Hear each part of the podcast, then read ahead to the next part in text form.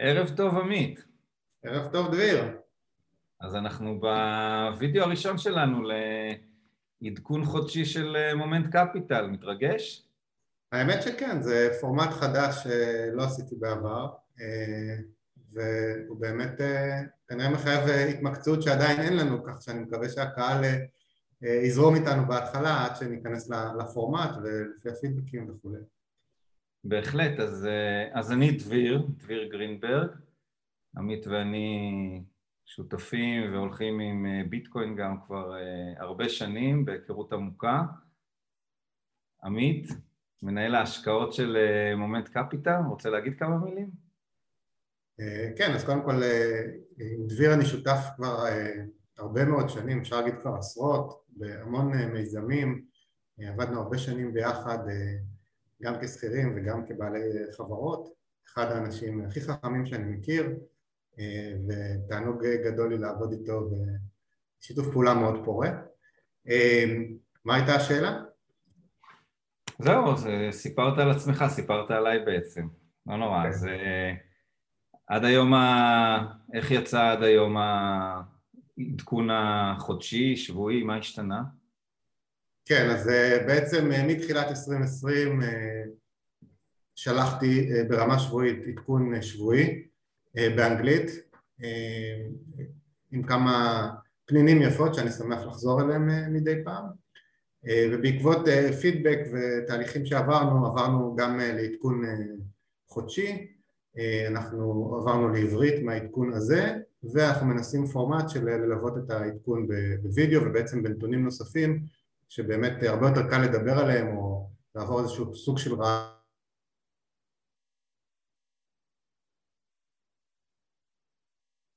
האמת שאני לא שמעתי אותך עכשיו. מה זאת אומרת? או, עכשיו בסדר. בוא נמשיך. אה, אתה רצית להתחיל עם כמה עיקרים מהעדכון השבועי, אבל דווקא חשבתי שהראית לי קודם איזה שקף על אה, הרביעי ביולי. כן, אז אני... האמריקאי, זה מתקשר קצת לעניין של ביטקוין, לא? כן, אז אה, באמת התאריך היום זה הרביעי ליולי, יום העצמאות האמריקאי, ואני חושב שאם מסתכלים ובוחנים על מה אמריקה מבוססת ואיך בנויה הכרזת העצמאות, אז בעצם היא מדברת על זכויות טבעיות ובסיסיות של האדם, יש פה את רשימת הזכויות האלה, ואני חושב שביטקוין מתייחס ומתכתב מאוד חזק עם זכות הקניין. האמת שיצאו על זה גם כמה כתבות וחשבתי לכתוב גם משהו בעצמי, אבל אני אגיד ברמה הבסיסית שאם אנחנו מאמינים שלאנשים יש אה, זכות טבעית לקניין אז אה, ביטקוין אה, מממש את זה בצורה האולטימטיבית כי בעצם אתה יכול לשמור את הקניין הזה בראש כי זה רק סיסמה אתה יכול לעבור עם זה ממקום למקום וזה פתרון להרבה מאוד אנשים שהיום אין להם זכות קניין אם זה מדינות נחשלות, מהגרים, כלכלות שמתמוטטות ומונעות מאנשים להוציא את ה...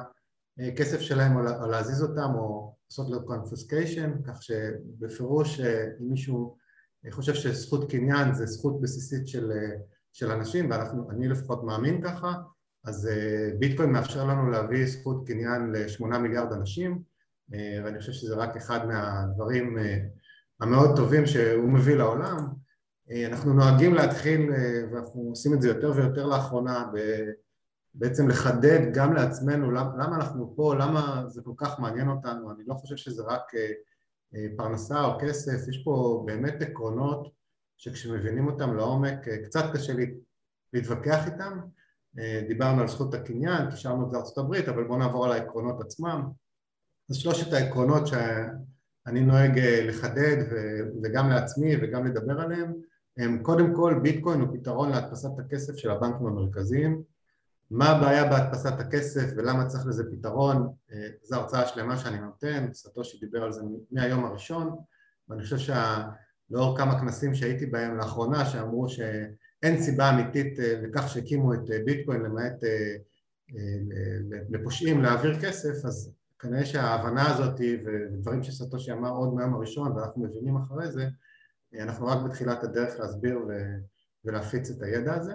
אז זה דבר... אני חושב שאנחנו צריכים בהזדמנות באמת לדבר על, על קצת על סטושי והכתבים שהוא השאיר, הרבה אנשים מתייחסים לזה בתור משהו אנונימי, כאילו שאנחנו לא יודעים כלום ומאיפה זה נולד והבן אדם הלך עם הכסף לאיזה וחוגג היום על איזה יש הרבה דברים מעניינים להגיד שם, אבל לא הפעם, אבל לגבי הבנקים המרכזיים שמדפיסים כסף, זה, זה החמיר בזמן האחרון?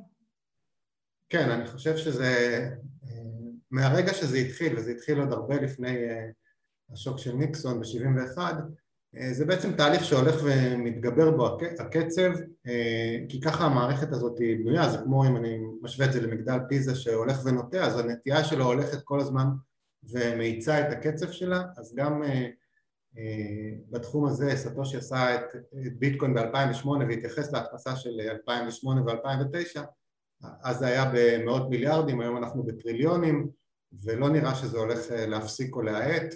אז אה, בפירוש זה לא רק מערכת שיש לה בעיה מובנית אלא בעיה מובנית אה, הולכת ומאיצה לרעה. אני חושב ששמעתי משהו שרבע מכמות הכסף שהודפסה אי פעם הודפסה בשנה האחרונה, סדר גודל? כן, כן, המספרים הם פשוט לא נתפסים ובאמת בהרצאה הכלכלית שאנחנו עושים עם חנן שטיינארט הוא מתייחס לזה ויש לנו גם את הגרפים בהרצאות וזה באמת, אה, אם אתה לא מתעסק בזה ביום יום זה קצת קשה לתפוס איזה שינוי אנחנו עוברים אה, בתקופה הזאת לעולם שבו הכסף מודפס בקצב הולך ומהיר והריבית אה, היא אפס אז בעצם אנחנו בונים, בונים חוב, חוב עם הכסף החדש הזה ויוצרים מערכת ש... לא ברור איך היא מחזיקה בטווח הארוך, פשוט לא ברור. אז אתה אומר על, על מספר אחד, ביטקוין הוא פתרון להדפסת הכסף של הבנקים המרכזיים, אפשר לדבר חצי שעה, שעה, חמש שעות, נעזוב אותו כרגע בצד ונמשיך לשתיים? כן, אז בעצם אה, ביטקוין זה לא הדבר היחיד שיש לנו בשוק, יש לנו אה, חוזים חכמים שמאפשרים בנייה של בנקאות פתוחה ושקופה בענן, בעצם היום אנחנו יכולים לעשות כל מיני פונקציות שהיום קיימות אה, בעיקר בבנקים או, או בבורסות אם זה להחליף מטבע במטבע, אם זה לקחת הלוואה, אם זה לשים את הכסף ולקבל עליו אה, תשואה, כל זה מאפשר, אה, חוזים חכמים מאפשרים והשנה האחרונה הייתה פריחה, זאת אומרת אם, כמו שאי אפשר להתווכח עם ביטקוין שמגיע לטריליון אה, שווי שוק תוך 12 שנה יותר מהר מכל דבר אחר, אז אי אפשר להתווכח עם חוזים חכמים שצמחו פי 50 בשנה האחרונה. כלומר יש פה תעשייה שלמה שצומחת בקצב אקספוננציאלי, פי מורגן כבר התייחס לזה, התייחסתי לזה בדוח אה, שתכף נגיע אליו, אז יש פה אה, אלטרנטיבה אה, לבנקאות שצומחת בקצב פשוט מסחרר, אפילו אנחנו לא מצליחים לעקוב אחרי כל מה שקורה. מה זה אומר שזה צמח פי 50 בשנה האחרונה? על איזה סכומים אנחנו מדברים שיושבים בתוך החוזים האלה? כן, אז אם מסתכלים על כסף שנעול בתוך החוזים האלה, זה מה שאני מתייחס אליו, אז אפשר לראות שזה צמח ממיליארד דולר אה, מלפני שנה לסדר גודל של 54 מיליארד דולר היום, אז זה פי 50, רואים את זה פה בגרף, פשוט צמיחה אקספוננציאלית, זה כבר הגיע ל-88 מיליארד ב-12 למאי, אה, אפשר לראות את זה בכמה אה, חתכים, לאו דווקא ניכנס לזה עכשיו, אבל באמת יש הרבה נתונים שמראים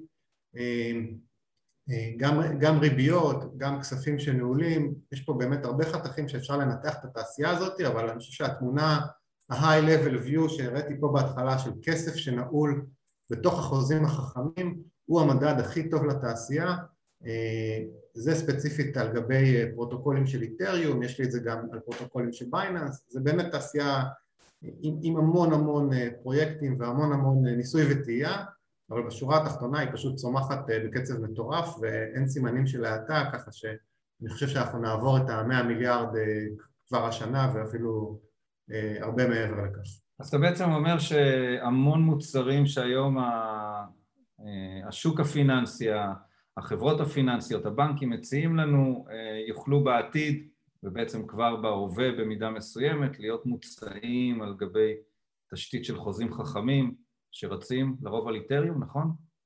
כן, אני רק רוצה אה, לתת פה אה, אה, קצת גילוי נאות שהדבר הזה ייקח זמן, זאת אומרת יש פה שאלות של רגולציה, יש פה שאלות של איך מנגישים את זה, של אבטחת מידע, אז הדבר הזה ייקח זמן, זה כמו ביטקוין לפני חמש שנים לפחות אם לא יותר, אז גם לביטקוין לקח זמן להיכנס למערכת, אבל כל הבנקים הגדולים יש התייחסות ל-JP מורגן ספציפית על רכיב מסוים מתוך העולם הזה. גלקסי דיגיטל, חברה בורסאית של מייק נובוגרץ והרבה חברות אחרות עובדות על להנגיש את זה לעולם הבנקאות, אבל זה ייקח זמן, אנחנו בתחילת הדרך, אני חושב שהצמיחה המהירה רק מראה שזה תחילת הדרך, זה צמיחה של השנה האחרונה, יש לזה עוד המון לאן לצמוח, זה יכול להיות שוק מאוד מאוד גדול, אה, והוא לא יקרה מחר בבוקר. טוב, בעולם ההשקעות כדאי להיכנס בתחילת הדרך לדברים מבטיחים. אנחנו אוהבים front אה, running למערכת הבנקאית, זה בפירוש. ומה זה שלוש? אוקיי, okay, שלוש זה משהו ש, שבאמת אה, הוא הרבה יותר רחב, הוא בעצם מדבר על מערכת שהיא פתוחה לכולם, זאת אומרת אם אנחנו מסתכלים על האלטרנטיבה היום של המערכת הבנקאית היא בעצם מערכת סגורה שלא לכולם יש גישה אליה, לשלושה וחצי מיליארד אנשים אין גישה למערכת הבנקאית רוב הסיבה זה שהם פשוט לא מספיק, אין להם פשוט מספיק כסף שזה יעניין את הבנק בכלל לפתוח סניף באזור שלהם. אנחנו תכף נגיע לאל סלבדור אז שם בתור דוגמה ל-70% מהאוכלוסייה אין חשבונות בנק. זאת אומרת הם כלכלת מזומן בלבד ולמערכת המסורתית הפיננסית אין פתרון עבורם, אין, לא בגלל שהם לא רוצים, בגלל שהם פשוט לא מספיק מעניינים את המערכת הזאת. זה אומר שהם לא יכולים לתת שירותים לחברות מחו"ל ולסלוק כרטיסי אשראי או לעבוד עם פייפל, הם לא יכולים לקנות באינטרנט כי אין להם כרטיס אשראי, הם פשוט סובלים מאוד ברמה הכלכלית והפתרונות של קוד פתוח שמאפשר בניית אלטרנטיבה לתעשייה הפיננסית היא גם חדשנית גם תחרותית, אבל בסוף בסוף בסוף היא פתוחה לכולם, זאת אומרת היום הפתרון היחיד לתושבי אל סלבדור זה דרך הקוד הפתוח שרץ על הטלפון שלהם עם רשת של הביטקוין, עם לייטנינג מעל זה, עם מה שדיברתי קודם על חוזים חכמים לבנק המרכזי העולמי אין פתרון אחר בשבילם, זאת אומרת הוא יכול להגיד שהוא לא אוהב את זה, הוא יכול להגיד כל מיני דברים אבל אין לו פתרון לדבר הזה ואני חושב ש inclusive ולהכיל את כולם ולתת פתרון לכולם זה ערך שבאמת באמת קשה להתווכח איתו. אין סיבה שלכל האנשים בעולם, לא משנה כמה כסף יש להם, לא תהיה גישה לבנקאות בענן. אני רוצה להגיד איזה מילה על הדברים שאמרת, השתמשת במילה לייטנינג, אז אולי זה המקום להגיד שזה רשת שאפשר לחשוב עליה כמו שכבה שנייה מעל הבלוקצ'יין הבסיסי של הביטקוין, שאנחנו תמיד מדברים על האיטיות של הביטקוין מהבחינה שזה רק כל עשר דקות נחתם בלוק, והלייטנינג כשמו הוא נותן אה, סליקה במהירות הברק, בהנחה שאתה משתתף שם עם... אבל המוסדות הפיננסיים שתומכים לך בזה עושים את זה במקומך, נכון?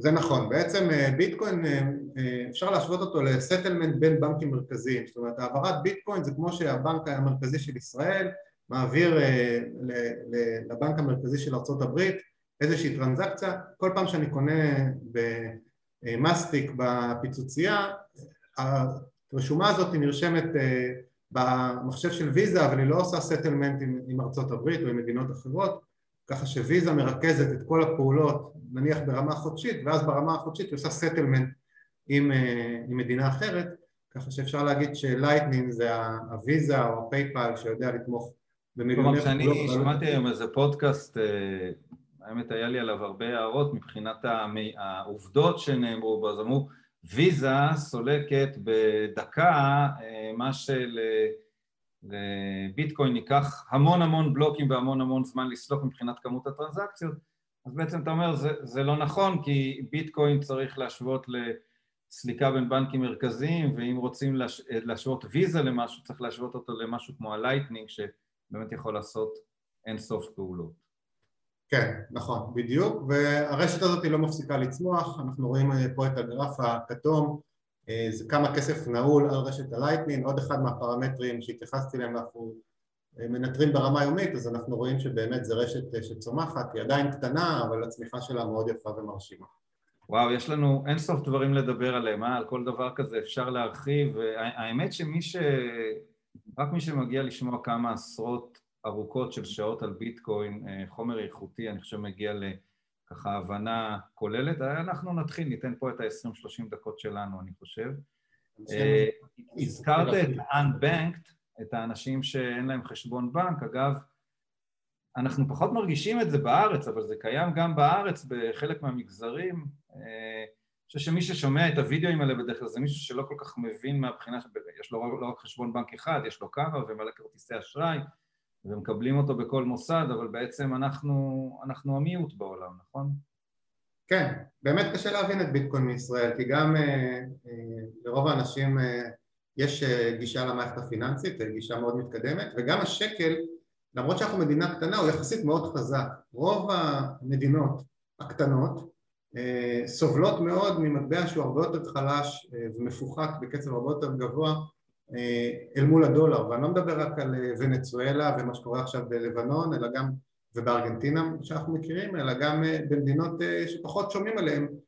רוב המטבעות הקטנים מהדולר מאבדים את ערכם מול הדולר בקצב הרבה יותר גבוה. ישראל היא באמת אנומליה מה, מהסיבה הזאת, מהבחינה הזאת, ולכן אולי יותר קשה להבין את ביטקוין בישראל כשהכול עובד לך מצוין. הכל דבש. הכל דבש. אה, אז זה אולי מביא אותנו לאחת החדשות הגדולות של השבועות האחרונים, אל סלוודור, גם היא צמודה לדולר עד כמה שאני זוכר, עד לפני רגע. אז, אה, אז מה יש לך להגיד לנו על... אה, כן, הסיפור פה הוא באמת, קשה, קשה להבין כמה הוא מדהים וכמה הוא מרגש בעיניי, כי אם היית שואל אותי מתי מדינה תאמץ ביטקוין, לפני ששמענו על, על אל סלוודור שאימצה ביטקוין לפני שבועיים שלושה, אז הייתי אומר שזה ייקח סדר גודל של עשר שנים, אולי חמש במקרה הטוב, לא העלינו, אני לא חושב שמישהו העלה על דעתו שזה יקרה כל כך מהר, אה, אז יש פה כמה דברים שניגע בהם ממש בקצרה, אז קודם כל אה, התחלנו את עולם הפיאט, את הניתוק של הכסף ממשהו אמיתי מהזהב באוגוסט 1971, זה נקרא השוק של ניקסון. אתה מדבר על הניתוק המוחלט, כי ניתוק מזדחל היה כבר לאורך הרבה עשרות שנים במאה ה-20, נכון? אפשר להגיד שמאות שנים, תמיד המדינות אה, דיללו את המטבע, אם זה coin clipping, אם זה להפוך את הזהב למטבע פיזי שלא מכיל זהב, אה, אם זה באמת אה, יחס רזרבה שלא אחד לאחד לזהב, אז דילול מתמשך היה קיים תמיד, שום דבר לא מתקרב אפילו למה שקרה באוגוסט 71, שבעצם ניתק לחלוטין את המטבע ממשהו שעולה כסף לייצר אותו ולייצר היום דולרים העלות היא אפס מוחלט, הלחיצת כפתור. לא היה כזה דבר בהיסטוריה, אנחנו פשוט חיים בניסוי של חמישים שנה שלא היה כדוגמתו מעולם. אז זה עשה רעש גדול כש... כשהגיע הניתוק הזה?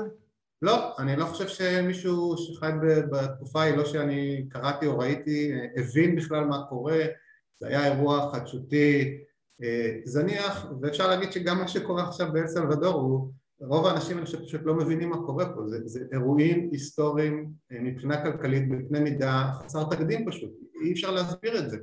אז ניקסון אה, ניתק אותנו, התחיל את המחלה, ובוקלי, נשיא של אל סלוודור, חיבר אותנו, חיבר אותנו לביטקוין כליגל טנדר, כמטבע רזרבה של המדינה במקביל לדולר רגע, למה דולר? אין להם מטבע משלהם? אה, לא, אין להם, מ-1981 אה, אין להם מטבע משלהם והם אה, נסמכים על הדולר, והם מקבלים, יש בזה יתרונות אבל יש בזה גם הרבה חסרונות.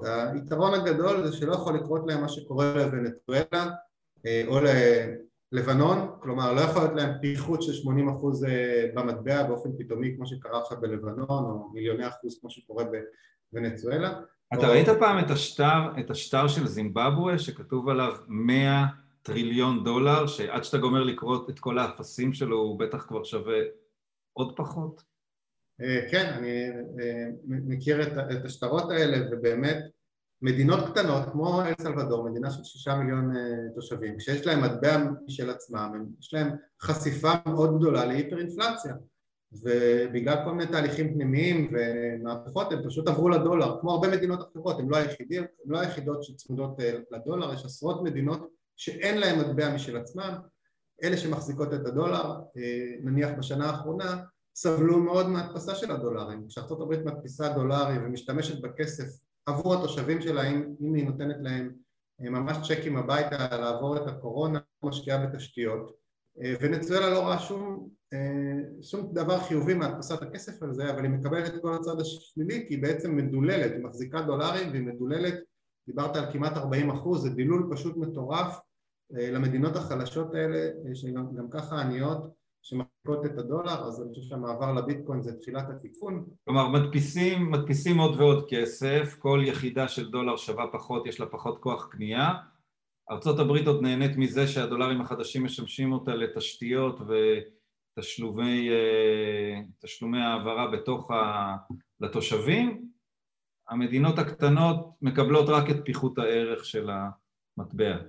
המדינות הקטנות שמחזיקות, כן, כמו אה, אה, אקוודור ופנמה ומדינות נוספות, בפירוש, הן פשוט מפסידות מזה.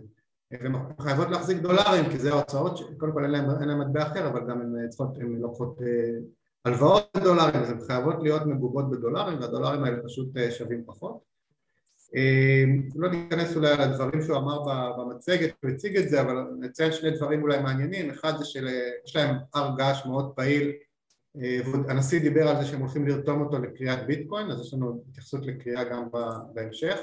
רגע, זה, זה נחשב לזיהום כדור הארץ או אנרגיה? לא, זה... הנה, הנשיא, הנשיא כתב בטוויטר, שחור על גבי לבן, Zero emission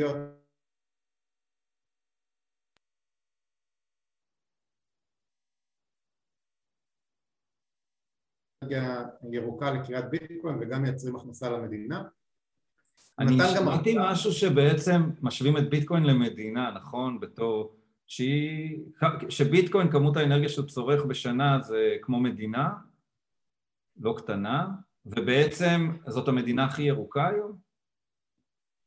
אז קודם כל זה לא נכון, אז, אז אה, אני זורם איתך עם, ה, עם השיחה הזאת ואנחנו נקפוץ לדוח, אה, אה, לדוח על, על האנרגיה, אז בעצם מה שקרה זה שבעקבות ההצהרות של אילן מאסק שהוא מפסיק את התמיכה בביטקוין כמטבע בגלל צריכת האנרגיה שלו. אה, בעצם קם, קם קונסורציום אה, באופן סורס שבעצם מתחיל לטפל בצורה מסודרת בפעם הראשונה, אה, במדיד, קודם כל במדידה, להביא את הנתונים הנכונים והם הוציאו את הדוח הראשון של האנרגיה ל-Q2 והממצאים שלו ניתן את הסיכום, אז Bitcoin mining use a negligible amount of energy, כלומר אנחנו משתמשים בכמות זניחה של אנרגיה הוא נהיה יותר יעיל גם ברמת צריכת החשמל שלו ובעיקר בסוג החשמל שהוא, שהוא צורך. אז אפשר לראות גם מבחינת אה, הכמות אה, חשמל שהוא, שהוא צורך. היא פשוט אה, זניחה לחלוטין, זה 189 מול המספרים שאתה רואה פה, אם זה 162 אלף של כל העולם, אם זה מדינות ספציפיות אז הוא לא מתקרב לשום מדינה. מבחינת סוג האנרגיה שהוא צורך, אז משווים אותו פה גם לרמה של אה, מדינות, אז הוא בעצם אה, אה, האנרגיה הכי ירוקה יותר מכל מדינה אחרת ויותר מכל תעשייה אחרת.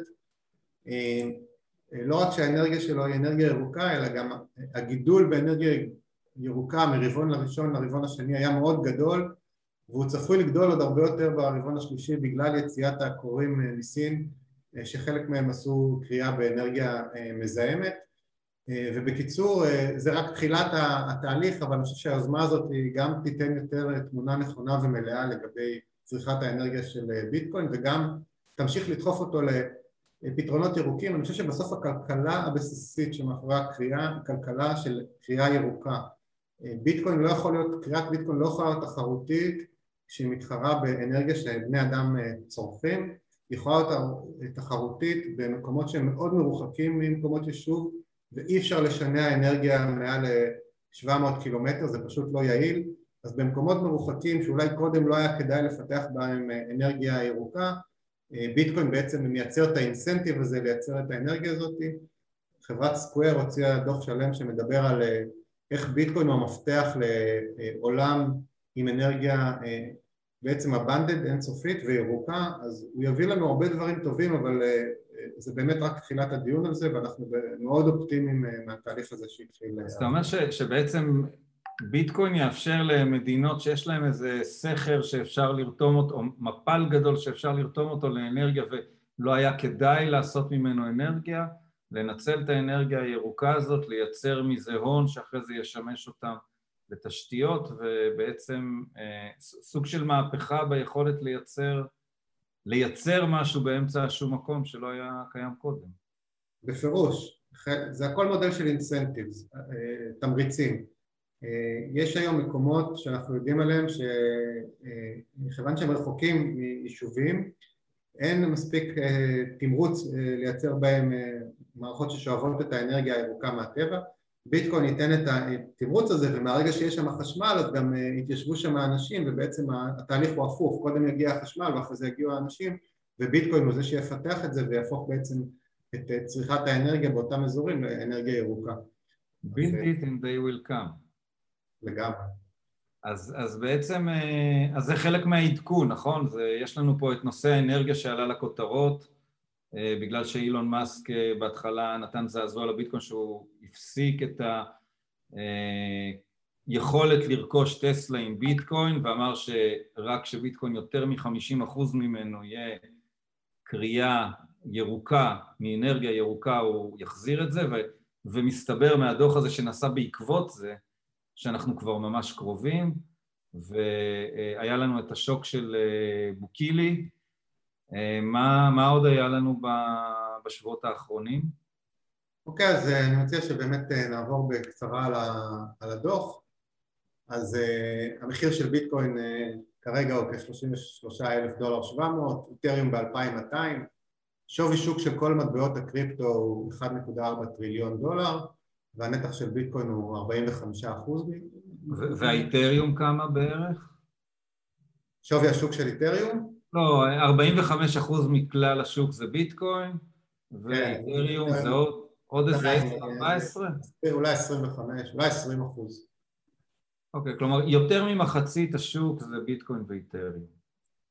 אה, כן, יותר ממחצית השוק זה ביטקוין ואיתריום, אפשר לראות פה אה, בואו נעדכן שנייה את הנתונים ופשוט נדבר ב market cap אז ה market cap של ביטקוין הוא 630 מיליארד דולר ה market cap של איתריום הוא 260 מיליארד דולר. מתוך 1.4 אה, טריליון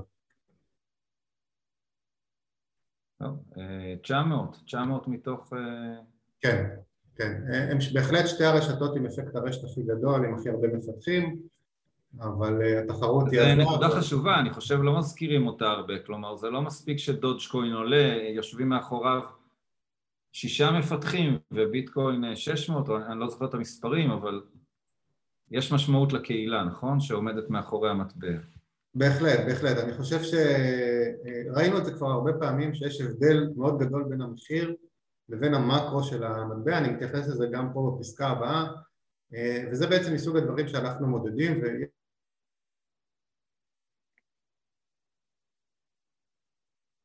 יש הרבה יותר ממה שרשום פה, אבל אה, כמות התנועות בביטקוין, באיתריום ובבייננס, אה, כסף, כסף שנעול בפרוטוקולים של דיפיי שראינו קודם, אה, הלוואות וריביות ברשת, כוח הקריאה, תנועת כספים בבורסות, סטיות תקן ועוד הרבה הרבה נתונים בעצם נותנים תמונה יותר אמיתית מה, מהמחיר כי לעיתים מטבע כמו דודג'קוין שיש לו יחסית מעט משקיעים יכול להיות מאוד מאוד מנופח אה, בדרך למעלה ומאוד מאוד חלש בדרך למטה בעקבות זה אז בפירוש שביטקוין ואיתריום אה, הם בעלי אפקט הרשת הכי גדול אה, וניתן למדוד את המצב שלהם ולא רק את המחיר שלהם.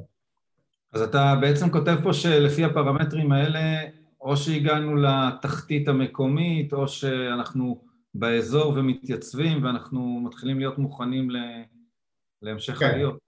כן, בניגוד לאולי אה, דצמבר, יש עכשיו בעצם אה, אה, אוריאל, המנכ"ל של מומנט קפיטל, שותף שלנו, אומר יש שני סנטימנטים בשוק, אחד אנשים שחושבים שזה נגמר ואנחנו הולכים עוד לרדת הרבה יותר נמוך, קצת כמו מה שהיה לנו ב-2018 וקבוצה אחרת שחושבים שזה רק התחיל ואנחנו הולכים לעלות. אז באמת זה מין כזה מצב אה, אה, שיכול ללכת לשני הצדדים, אה, תלוי על מה אתה מסתכל, אני חושב שאם אתה מסתכל רק על המחיר אז באמת הגרפים נראים לא טוב, השוק נראה מאוד חלש ומנתחים טכניים שיסתכלו על, על השווקים האלה בהחלט מסיבה, בצורה מוצדקת יכולים לחשוב שיש פה עוד הרבה לאן לרדת והשוק שבור. ואם מסתכלים על פרמטרים אחרים שהם לא המחיר אז רואים באמת הרבה חוזקות ו... אה, התבססות ותחילת עלייה במספר פרמטרים, כך שזה בהחלט אה, תקופה אה, מותחת ומורטת עצבים ואנחנו נצטרך לעקוב אחריה מקרוב, אבל כרגע הפונדמנטל זה נראים טוב ואני לא חושב שאנחנו בדצמבר 2017 בסוף הבולרן, אני חושב שהשנה אנחנו נעבור את ה-65 אלף דולר בביטקוין ואת ה-4,400 באיתריום בתוך סדר גודל של שלושה חודשים ונגיע למקומות הרבה יותר גבוהים. זה המצב צריך להחזיק חזק, היכונו להמראה. כן. אוקיי, מה עוד בדוח?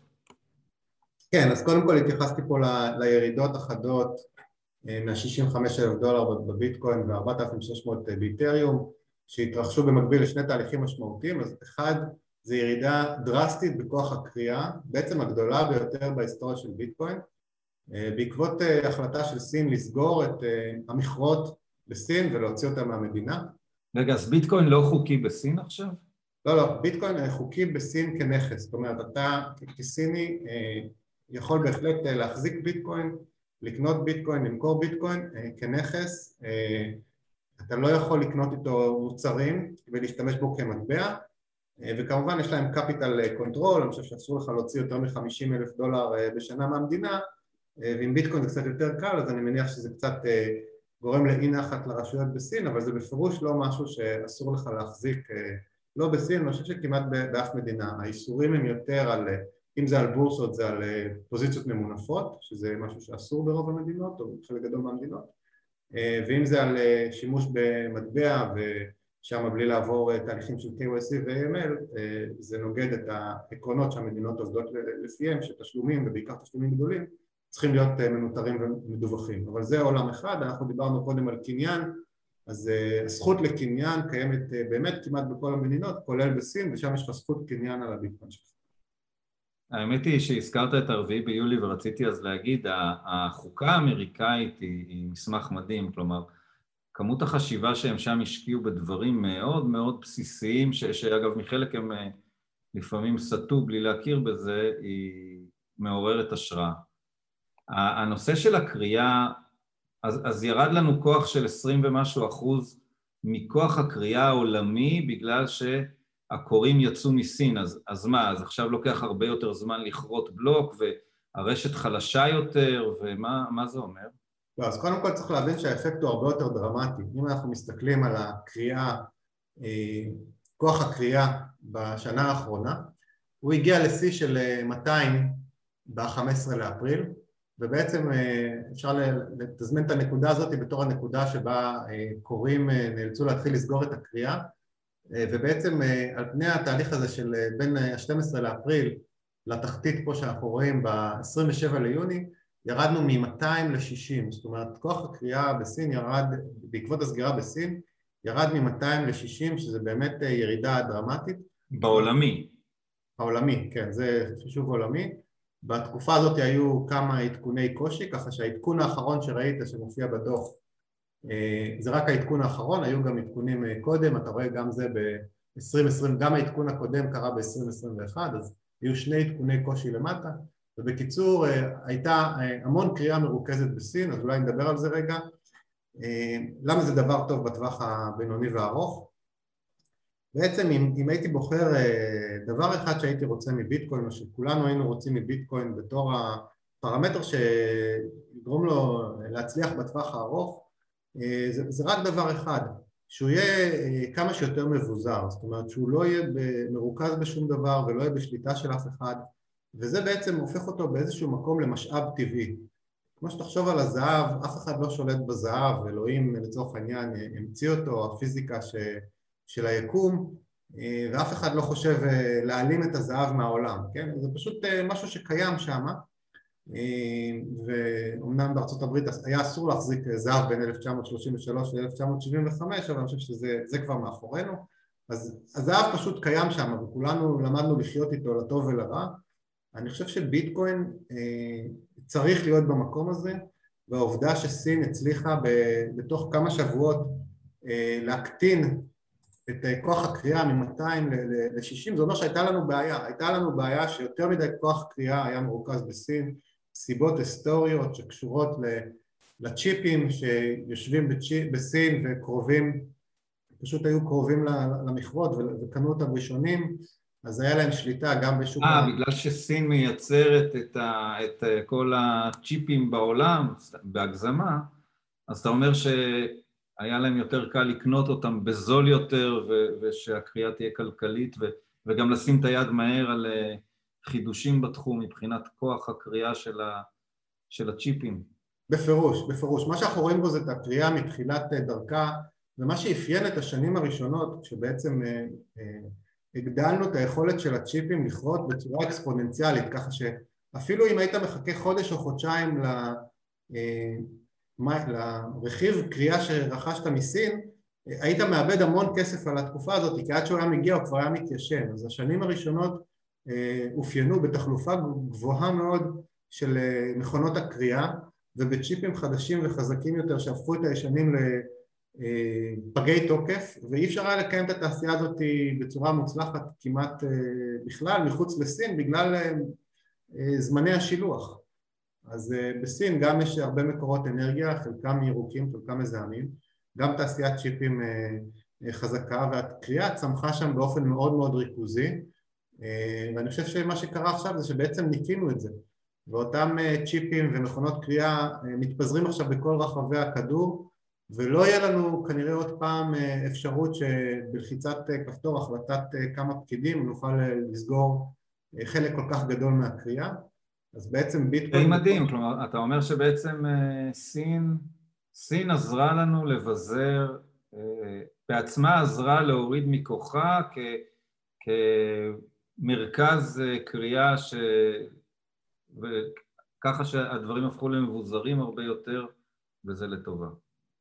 לגמרי, ובמילה אני אגיד שהאירוע הקודם סביב נושא של ביזור ושליטה היה ב-2017 סביב אה, הסיגוויט, שזה שינוי בפרוטוקול, וגם שם הסינים, אה, הקוראים הסינים אה, ניסו לעשות איזשהו סוג של קרטל ולמנוע את השינוי, ולשמחתנו גם הצלחנו להעביר את השינוי, גם הראינו שהמשתמשים חזקים יותר מהקוראים ובעצם אני חושב שהאירוע של 2017 שהיה מאוד משמעותי, האירוע של עכשיו שהוא מאוד משמעותי זה אירועים שמאוד מבגרים את התעשייה ואת הרשת והופכים את ביטקוין להרבה יותר חזק ממה שהוא היה קודם, אנחנו תמיד ידענו שהוא יעמוד במבחנים האלה בגבורה ובאומץ כי הוא בנוי נכון אבל אין כמו לחוות את זה בזמן אמת כדי לראות שזה קורה.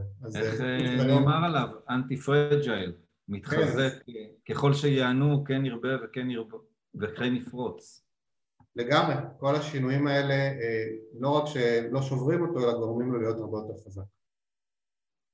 אז אה, זה לגבי כוח, אבל, אבל שאלתי קודם איזו שאלה כי אני מנסה להבין, אה, יצא המון כוח קריאה מסין, אז מה זה אומר? שעכשיו הרשת יותר חזקה, שהבלוקים לוקחים הרבה יותר זמן, יש לזה איזה אפקט משמעותי כרגע על ה...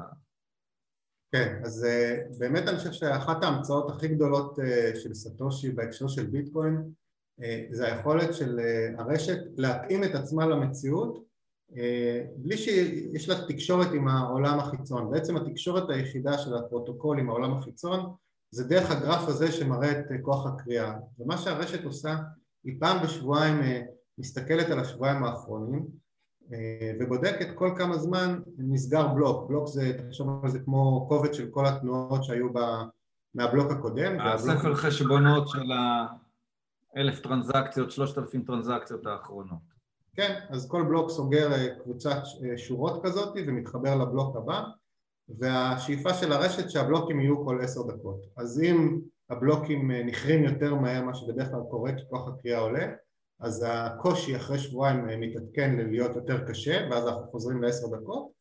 ולהפך, ככה שהרשת יודעת לעבוד אה, בכל מספר והיא עבדה, היא עבדה 12 וחצי שנים אה, בלי שום אה, בעיה ואתה רואה שבקצב של 43 מיליון אשרד כפי שהוא נמדד פה או ב-200 או ב-60 היא יודעת לעבוד בצורה מצוימת והיא בעצם בטוחה מאוד ואין לה שום בעיה.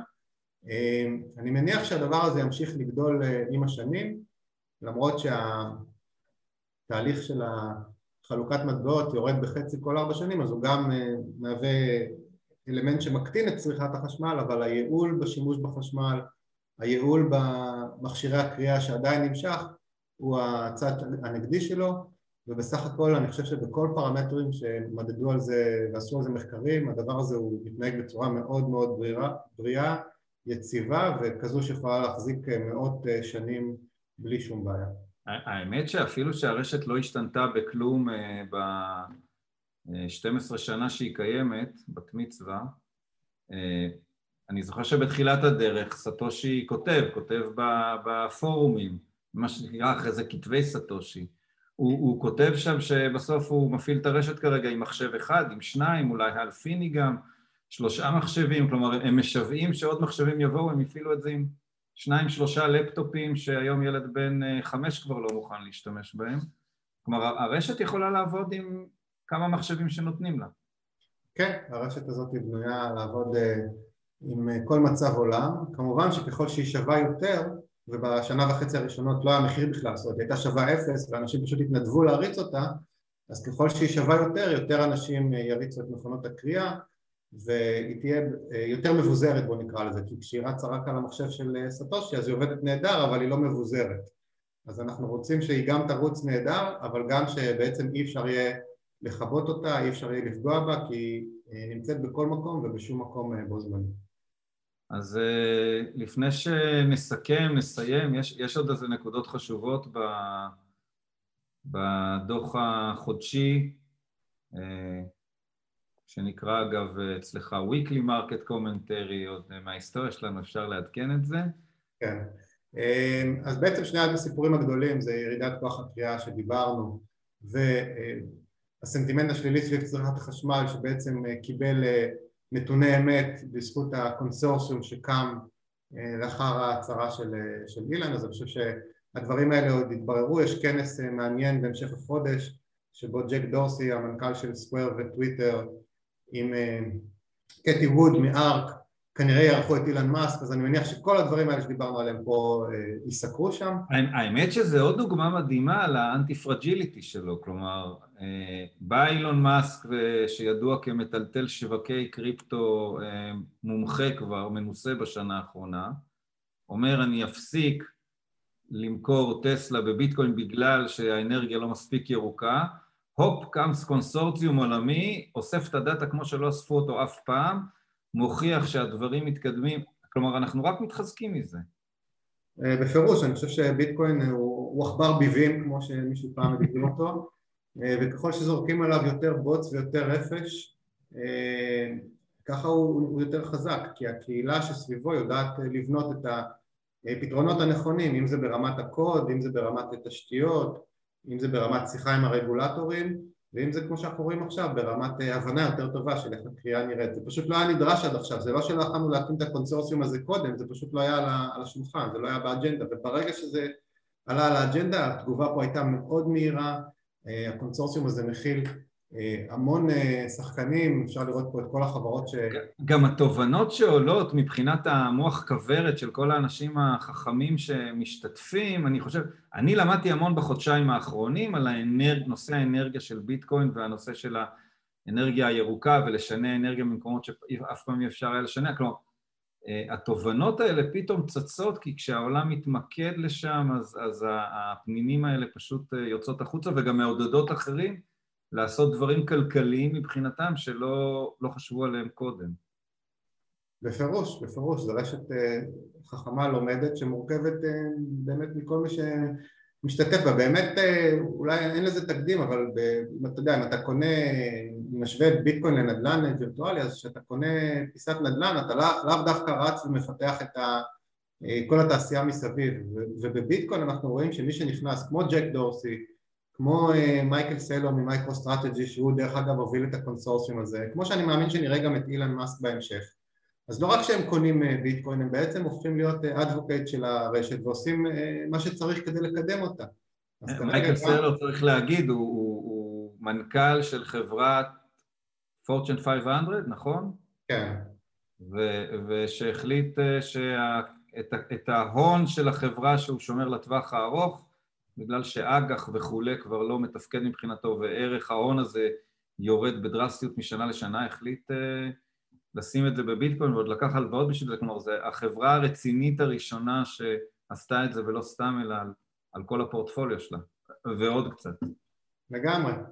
אה, ובינתיים המניה שלו מגיבה מאוד יפה למהלך הזה מעבר לזה שהביטקוין ברזרבה שלנו, אני חושב שיש להם ביטקוין כבר מעל לשלושה וחצי מיליארד דולר ברזרבה יש פה במניה הזאת מגולם גם פרימיה של 100% מעל מחיר הביטקוין, זאת אומרת השוק אה, אוהב את המהלכים שלו, המניה... מאמין שהוא עוד יפתיע.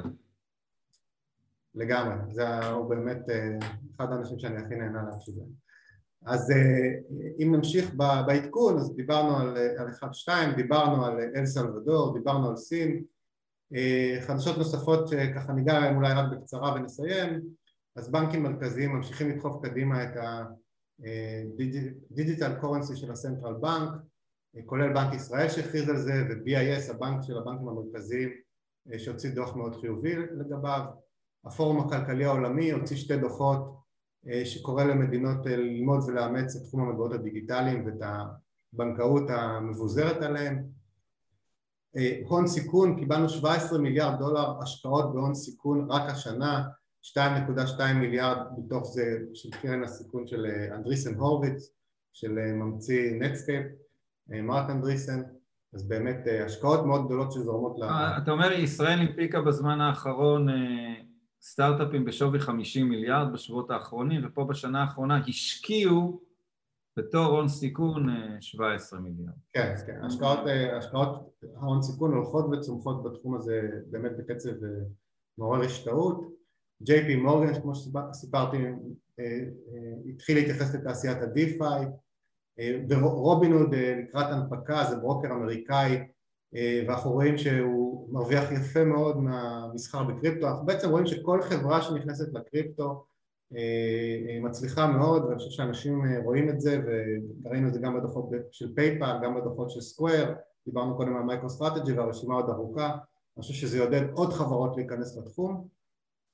ניידיג שזה זרוע קריפטו של חברת השקעות גדולה של מעל עשרה מיליארד דולר בשם סטון רידג' בעצם השלימה אינטגרציה עם, אה, עם כל ספקי השירות של הבנקאות בארצות הברית ועד סוף השנה כל בנק בארצות הברית יוכל לשלב קנייה, מכירה והחזקה של ביטקוין בתוך המערכות שלו אה, באמת דברים שמעט אנשים מודעים להם אז... NCR אה, זה כל ה-ATMים שאנחנו רואים כתוב עליהם NCR, נכון? נכון, וה-ATMים, נכון, הם עבדו גם עם FIS אני עשיתי בהרצאה בארץ לחברה שעל קריפטו אה, שנותנת שירותים לבנקאות שגם מחפשת את הזווית כניסה שלה כי היא רואה אה, מה ניידיג עשתה עם אה, FIS ועם NCR ועם כל החברות האחרות ככה שקניית ביטקוין במערכת הבנקאית לפחות בארצות הברית בשנה הבאה זה כבר לא יהיה דבר תשמע, החלום שלי בישראל זה שיהיה לי, כמו שיש לי או שקל ואוש דולר ואוש יורו, שיהיה גם אוש ביטקוין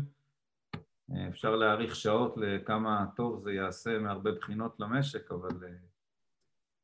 זה יקרה כנראה יותר מהר ממה שאנחנו חושבים, כמו שזה קרה באל סלוודור יותר מהר ממה שאנחנו חושבים, העסק הזה מתקדם בקצב מסחרר, וכל השקעות ההון סיכון יעודדו את החברות שעושות את האינטגרציות האלה אה, לעשות אותן יותר מהר, אז זה בפירוש אה, בדרך. ואולי נסיים עם ועידת הקריפטו של דה מרקר היום, שיחסית לוועידות אחרות שהשתתפתי בהן בישראל שבדרך כלל יש אה, אה, אנשים שפשוט מתנגדים, אני, אני לא יודע למה, אולי מחוסר הבנה, אולי זה מתחרה להם בביזנס, אבל היום זה כבר נראה אחרת לגמרי, הנציגים של הרגולציה, אם זה ממס הכנסה, אם זה מהרשות לניירות ערך, אם זה מהרשות להלבנת הון, ואפשר לראות את כל הוידאו, מאוד מעניין, אה, פשוט היו מאוד חיוביים, אין לי דרך אחרת להגיד את זה, זה היה משב רוח מרענן, אה, וכמובן שהכותרת שיצאה משם שבתוך חמש שנים הביטקוין יגיע לשווי של מיליון דולר היא קצת שמרנית בעיניי אבל אה, היא בהחלט אופטימית ואפשר לסיים אבל, אבל רגע זה קצת לא חוכמה אמר את זה אלי שהוא אתה יודע יש לו יש לו עסק שהוא יש לו בורסה שהיא מסביב לביטקוין אז מה? כן אבל אני חושב שהוא חושב שזה יותר הוא פשוט היה שמרן. אה, אתה צודק אבל אם אני, אני יותר אוהב להאזין לאנשים שמדברים מפוזיציה כי אנשים שמדברים לא מתוך פוזיציה הם, אה, הם אולי פחות מאמינים ממה שהם אומרים, אז אה, אלי הוא בהחלט אחד האנשים שנמצא בפוזיציה הרבה מאוד שנים. אין ספק שהוא האמין בזה עוד לפני שמישהו הבין שזה פוזיציה. כן, הוא אמר מיליון דולר עוד הרבה לפני שזה הגיע ל-35 אה, אז ככה שזה בהחלט, וזה שדה מרקר בחר לשים את זה בכותרת זה גם נחמד. אז אתה חושב שנסיים פה? אפשר להקליט עוד פעם ולעשות את זה יותר טוב, אבל אה, נראה לי שבתור פעם ראשונה נשמע את הלקוחות ואת השותפים, אבל אה, בהחלט זרם לנו יחסית. תשמע, אני מאוד נהניתי. גם אני. אז נתראה בעוד חודש, נכון? נתראה בחודש הבא. להתראות.